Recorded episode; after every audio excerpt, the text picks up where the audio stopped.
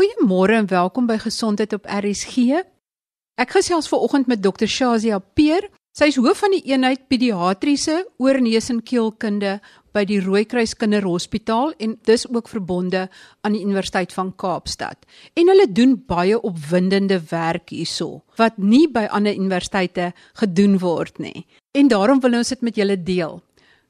Dr. Peer, julle doen uitsonderlike werk om tracheostomie snitte weer heel te maak. Maar hoe gebeur dit dat 'n kind 'n tracheostomie moet kry? En verduidelik miskien net vir die mense wat is 'n tracheostomie? Thank you firstly for having me. So at Red Cross, we have the privilege of seeing children with ears, with noses, with throat, and head and neck problems. And my special interest is airways. So we see all of these diseases, including airway problems. We have a very specialized tracheostomy service at Red Cross that's 25 years old, and that's run by Sister Jane Booth. She's incredible, and people who know her know that she's world class. And so, what has happened over the course of time is children with airway problems need some kind of intervention that allows them to breathe and grow adequately in spite of having a problem with their throats. And so a tracheostomy is created below a disease process in order to allow for breathing through the airway and through the lungs. And so Sister Booth, as we call her, Jane Booth, is known to Red Cross and to Cape Town and even through uh, international circles as the person who created the tracheostomy service. So we're very lucky to have her because then only can we expand our unit to where we are today. And what we do is we take children who've had airway problems above the tracheostomy. For example, a stenosis or a narrowing of the voice box specifically, we call it the subglottis. So that's the area below the vocal cords. And we create uh, surgical options that allow us to increase the diameter of the narrowing. And so these are children who would have been born premature or born quite young and required an endotracheal tube that would be placed in the airway and that would sit there for a period of time. And if you can imagine the airway is a very small space, it's very vulnerable, and if an endotracheal tube sits in there for a period of time, that can cause bruising. And so the lining of the larynx, as we call the vocal cords and the voice box, the lining gets very swollen, gets very edematous, and gets ulcerated. And when that ulceration occurs, it causes scar tissue and scar band formation. And that then results in a narrowed airway just below the vocal cords. And that area, unfortunately, is very vulnerable in children. So any child who's had an endotracheal tube is at risk of developing this. And so what we do is we create a tracheostomy which is a little bit below this level of scar tissue so that the child can get on with their lives. They can uh, breathe through a tracheostomy tube, they can start learning, start vocalizing, and start feeding and integrating with their families and with society. But what's been phenomenal now is that we're able to increase the service that we can offer these children. So, slowly, slowly, what we're looking at and what I've been doing since we've come back is we're addressing the scar tissue and the um, pathology that has been created because of these tubes. And we call it laryngotracheoplasty, which is an airway reconstruction in order to increase the space that the airway has below the vocal cords and inevitably to remove the tracheostomy. So we want to cause these children to live without a tracheostomy and integrate them into society again. And so the aim here is actually to give them a more normal life. And um, that's what we do at Red Cross. So there was historically a very wonderful professor, Chris Prescott, who worked here for 25, 30 years, and he really created this department. And subsequently, Graham Copley followed in his footsteps. But only recently have we been more interested in doing the open airways because we've had the support services of our pediatric surgeons, of ICU, intensive care units, and um, other ancillary services. So we are now able to provide a more structured airway unit. Met ander woorde, as die baba 'n buis in sy lugpyp moet kry, dan kan daai buis die lugpyp begin irriteer en dan kan daar littekenweefsel vorm wat dan maak dat die buis vernou en dis onder die stembande en dan maak julle om dit makliker te maak vir die kind maak julle dan 'n snit deur die lugpyp en jy sit 'n buisie daarin sodat hy dan direk kan asemhaal deur die buisie van die lugpyp na sy longe toe. Maar dan loop hy met daai opening in sy lugpyp. En wat jy nou doen is om daai littekenweefsel te verwyder en dan 'n rekonstruksie te doen van die lugpyp sodat jy dit weer kan toemaak. Soos wat ek verstaan, is dit eintlik tegnies baie moeilike operasie. Ek weet dat heelwat chirurge eintlik wegskram hiervan. Het jy hierdie tegnieke geleer toe jy jou genootskap in Kanada gedoen het? Absolutely, that's 100% right. It is a very challenging location and so it is very hard to get good results. And internationally these procedures are done in high flow centers. So the best center in the world is in cincinnati and they do 10 12 a week. So I had to go overseas in one of these centers to train to learn to do these procedures and I think foremost to identify the patients that can benefit from them. So the selection criteria is quite limited to allow for good outcomes. So how I explain that to patients is that number one, if you're very young and if your airway is still very reactive, we wait until you grow a little bit more or until the disease has burnt out in a way so that when we operate, there's less chance of recurrence. The second thing is if you're older, sometimes you outgrow the scar tissue and less is more. So we give them a little bit more of a chance to have a less invasive surgery. And then the third thing I try to tell someone is if someone's got more issues with them, for example, if they're a little bit more developmentally delayed or if they've had some kind of heart or lung problem, then it's going to be a little bit harder to get them to do more surgery. So we tend to hold off on those children. So we want to take children who have a disease that we can repair that they have burnt out from the inflammatory process, so we know they're not going to recur. And then we know those children have good outcomes. And those are the kids that we end up removing the tracheostomy for, and they have good results. Hoe oud is die gemiddelde kind wat jy dan opereer? It does vary on uh, how long they've had their inflammatory process. So, say for example, if it's a child who's had their inflammatory process and they've had their tracheostomy, we tend to wait until they're four years of age before we intervene. And the reason for that is because their airway is big enough so that we can open it and reconstruct it and it'll stay robust and strong. And even if there's a little bit of new scar tissue, it doesn't get smaller than what we started with. So four years old is usually the time.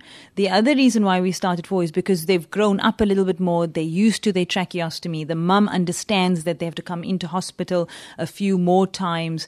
And there is a sense of acceptance that we are now trying to do something more to get the tracheostomy out. So generally we start operating on children after four years of age.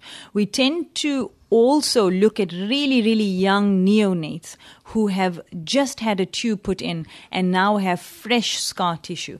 And those children, we can sometimes do an open airway early on within the first few weeks of life to avoid even a tracheostomy.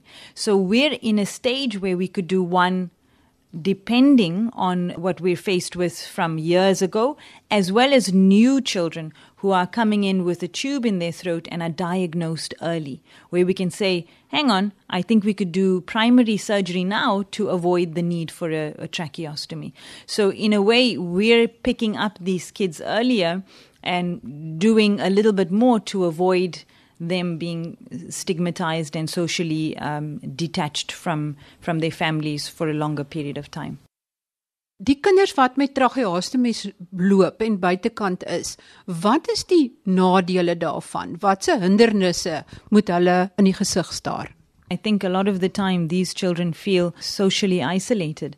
If the parents are enabled, if they have insight, and if they are on board with a lot of the care, the child goes home and the mum and the dad or primary caregivers get trained very successfully by Sister Booth on how to clean the tracheostomy, on how to avoid mucus plugs and avoid any obstruction. Because the biggest problem with the tracheostomy is if that tube gets blocked, that's your airway, and that can result in no oxygen going to the brain, for example. So these mums and dads and other caregivers are trained remarkably well by Sister Booth so that they pick these signs up. And I must tell you, having worked in many hospitals internationally and having come back to Red Cross a Hospital, the parents are much less privileged but have more insight because in first world centers a child with a tracheostomy gets a nurse 24 hours a day.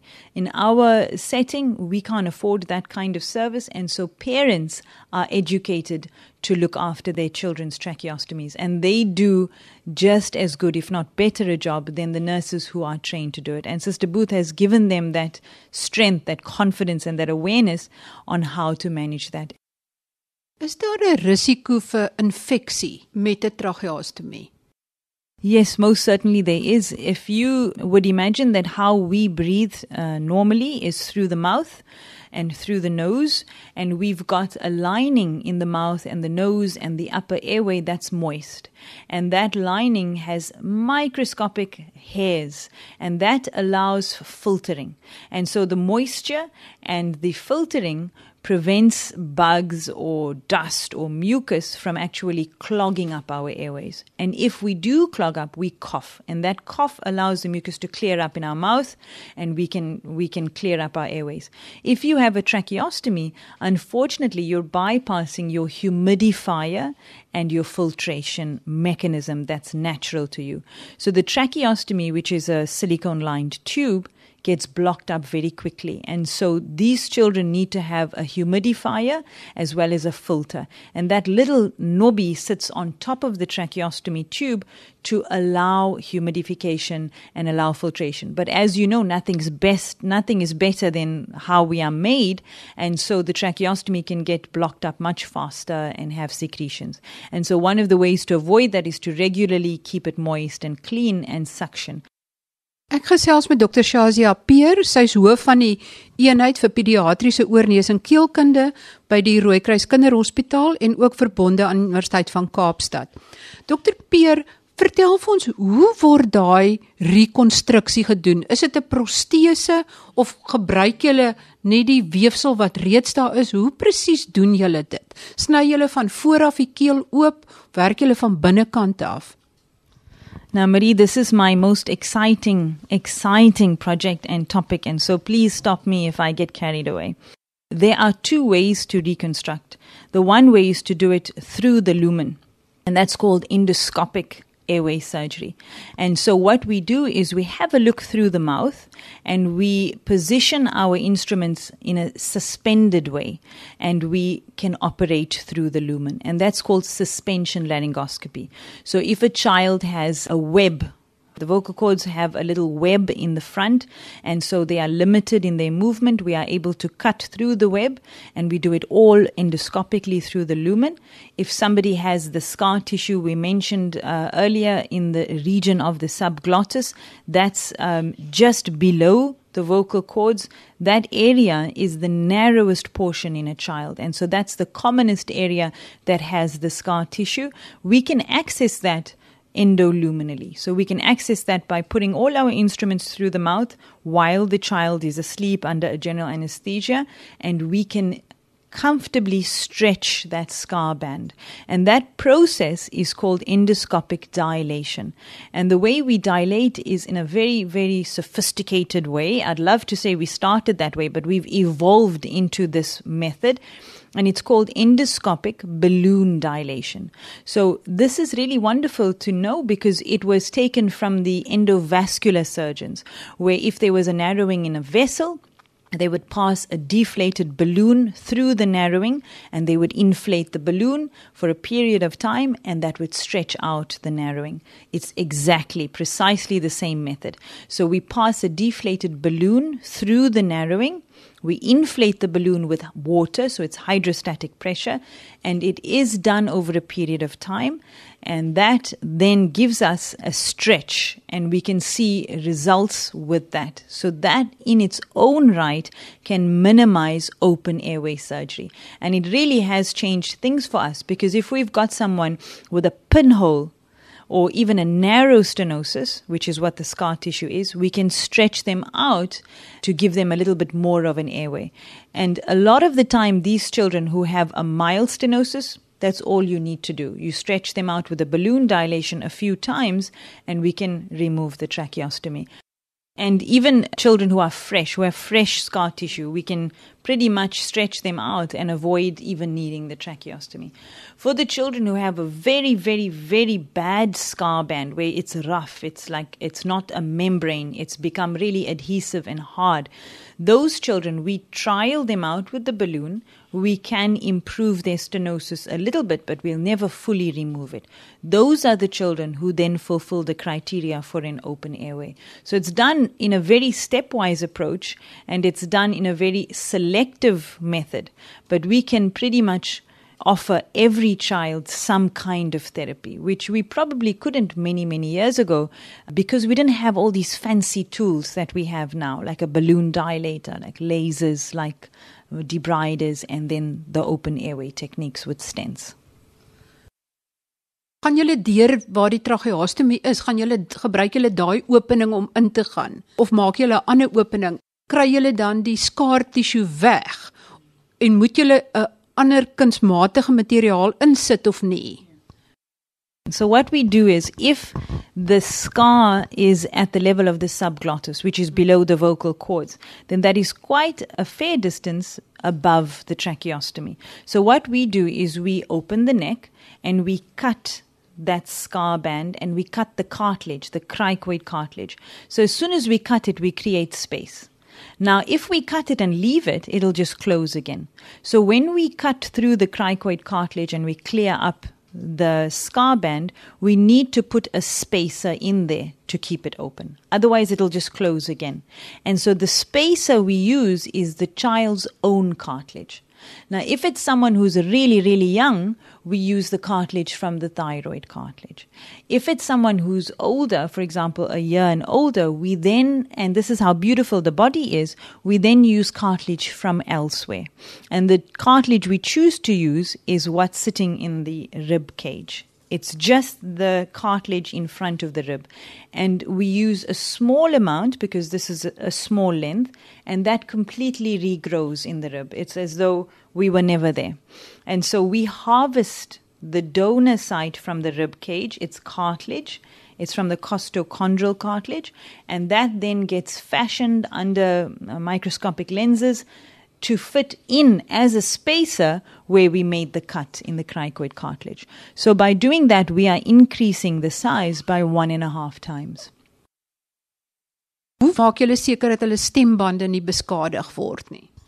That's so important, and I'm glad you said that. So, what we make sure of is that when we are inside, when we cut into the airway, we see exactly where the stem banda are from underneath, and we respect the plane. So, we don't remove anything from there. So, we preserve the vocal cords completely. This scar tissue is below the vocal cords. If the scar tissue has incorporated the vocal cords, then we cut through the midline and we mark them out and realign them afterwards. So it's all done precision work, it's done with microscopic lenses, everything is measured out with calipers, and everything is realigned.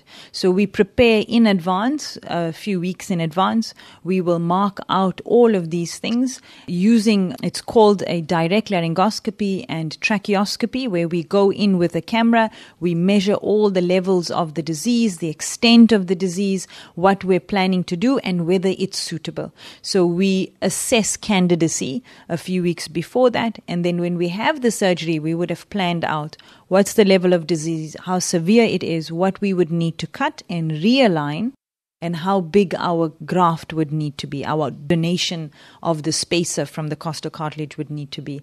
And all of this is done with precise measurements, counted three, four, five times, and we would harvest it and we would fashion it so that it's perfect for this child. Werk jy met 'n bril met vergrootlense as jy hierdie werk doen en praat ons nou van millimeters of nog kleiner? Millimeters for sure. Kleiner, then we do count millimeters and small millimeters. We use loupes or microscopic lenses. It is very small, but the cardiac surgeons will understand that this is as small as, you know, they have the hearts that they operate on. It is pretty much like that with the really, really small children. I remember when I did my first case here at the Red Cross, I looked at my baby finger and I looked at the airway and I thought, you, my baby finger is bigger than that. And I thought, well, we must make it bigger. And so when we uh, cut through the cricoid and we put a spacer, it was already one and a half times what it was. And so for that child, we created one and a half times that size. And so it makes a difference. A little bit of millimeters that we may skimp on may have an impact later. So we have to be very, very precise. Hoeveel kinders het julle nou al gedoen met hierdie nuwe tegnieke? Probably about five. Really, we only started last year, end of August, and um, some of the cases we do alone, ENT, and some cases we do assisted by the uh, cardiothoracic surgeons because they are very keen to um, help us with the tracheal pathologies. We do the airways from the throat going down to trachea, but we always need a little bit of help from the thoracic surgeons because the trachea goes into the chest, and um, a little bit of length, a little bit of experience and knowledge that they are able to provide just helps us in immeasurable ways. And so we've done a few tracheal surgeries with them, and we've had some good results. Some obviously are still a little bit challenging, and it defines our patient selection even more. And we are finding more and more that we are developing South African criteria. And we hope that one day we are able to disseminate this kind of information to other South African institutions who may be keen to do this kind of surgery. But it takes a lot of work and it takes a lot of skill, and you have to be ready for failures and you have to own it. What we do have, though, is a lot of tracheostomized children in the country who I would be very keen to uh, have a look at and decide on whether they become candidates. We would love the Red Cross to be the um, premier airway unit in order to help lots of children. Dr Peer, is jy bewus van enige ander gestruktureerde programme waar die tracheostomies herstel word? So as far as I know, I'm not sure that any other institution has this type of setup, especially with surgical outcomes. And uh, I must say, Tigerberg Hospital is also starting to do some good endoscopic airway things. Gaan kyk gerus op www.rsg.co.za Daar is interessante sketse wat verduidelik hoe hierdie operasie gedoen word van buite en van binne en dan op die ouend net 'n klein litteken netjies in die voue van die nek los. En dan kom ons hierdie week by week 5 van ons doen dit net aksieplan. In ons kopplan het ons hierdie week 'n bestekopname van suksesse en struikelblokke. Daar's 'n kort vraelys op ons webblad gaan kyk daarna, vul dit in en dan kyk ons wat is jou struikelblokke, wat werk vir jou en hoe ons jou kan help. Week 5 se oefenplan behels 'n hele paar aspekte. Jy oefen weer eens 4 keer 'n week en ons sit daar uit hoe jy jou stapplan of jou drafplan gaan vermeerder sodat jy totale flinkstap gaan neerkom op 30 minute en jou totale draftyd gaan neerkom op 15 minute. Dan is daar ook die vier strekke wat jy moet doen nadat jy geoefen het. Daar's nuwe rugstrekke by wat jy elke dag kan doen en dan beveel ons ook aan dat jy begin om jou oefening af te wissel. As jy byvoorbeeld nou gereeld gestap het, begin daaraan dink om dalk fiets te ry of te swem of as jy gedans het, begin dalk om te stap. En dan wil ek hê julle moet so lank na Park Run se webwerf gaan kyk. Want teen volgende Saterdagoggend sal jy gereed wees om jou eerste Park Run te stap of te draf. Dis gratis en ek is seker daar sal 'n park naby jou wees waar jy saam met ander mense kan stap of draf. Dan week 5 se eetplan. Met die mandjieplan kyk ons na waar pas my skaapchop in. En dis natuurlik in die geel mandjie Jy's welkom om so 3 keer 'n week rooi vleis te eet, bees, lam, skaap of enige iets wat vir jou lekker is. Maak net seker dat jy nie die hoope vet saam met die skaapchop of die beesvleis eet nie, want die bevindinge dui daarop dat groot hoeveelheid diervette jou weliswaar pleks van diabetes onder beheer te bring, juis beta-selle in die pankreas kan beskadig en jou binne 6 weke in volle diabetes kan maak. Dit is ook belangrik om te let dat 'n porsie rooi vleis groot soos jou handpalm behoort te wees en dat een porsie rooi vleis 3 keer 'n week met vis en hoender tussenin voldoende is om aan jou proteïenbehoeftes te voorsien, selfs as jy spier bou. As jy vegetariër is, is daar 'n skakel waarop jy kan klik om te sien wat jy anders kan eet. Dan is daar ook die spesifieke maaltydplanne. Tot volgende week, wanneer ek dan met die psigiater gesels oor wat die dekriminalisasie en wettiging van DAGA kan beteken vir gesondheidsdienste en of Suid-Afrika gereed is daarvoor of nie.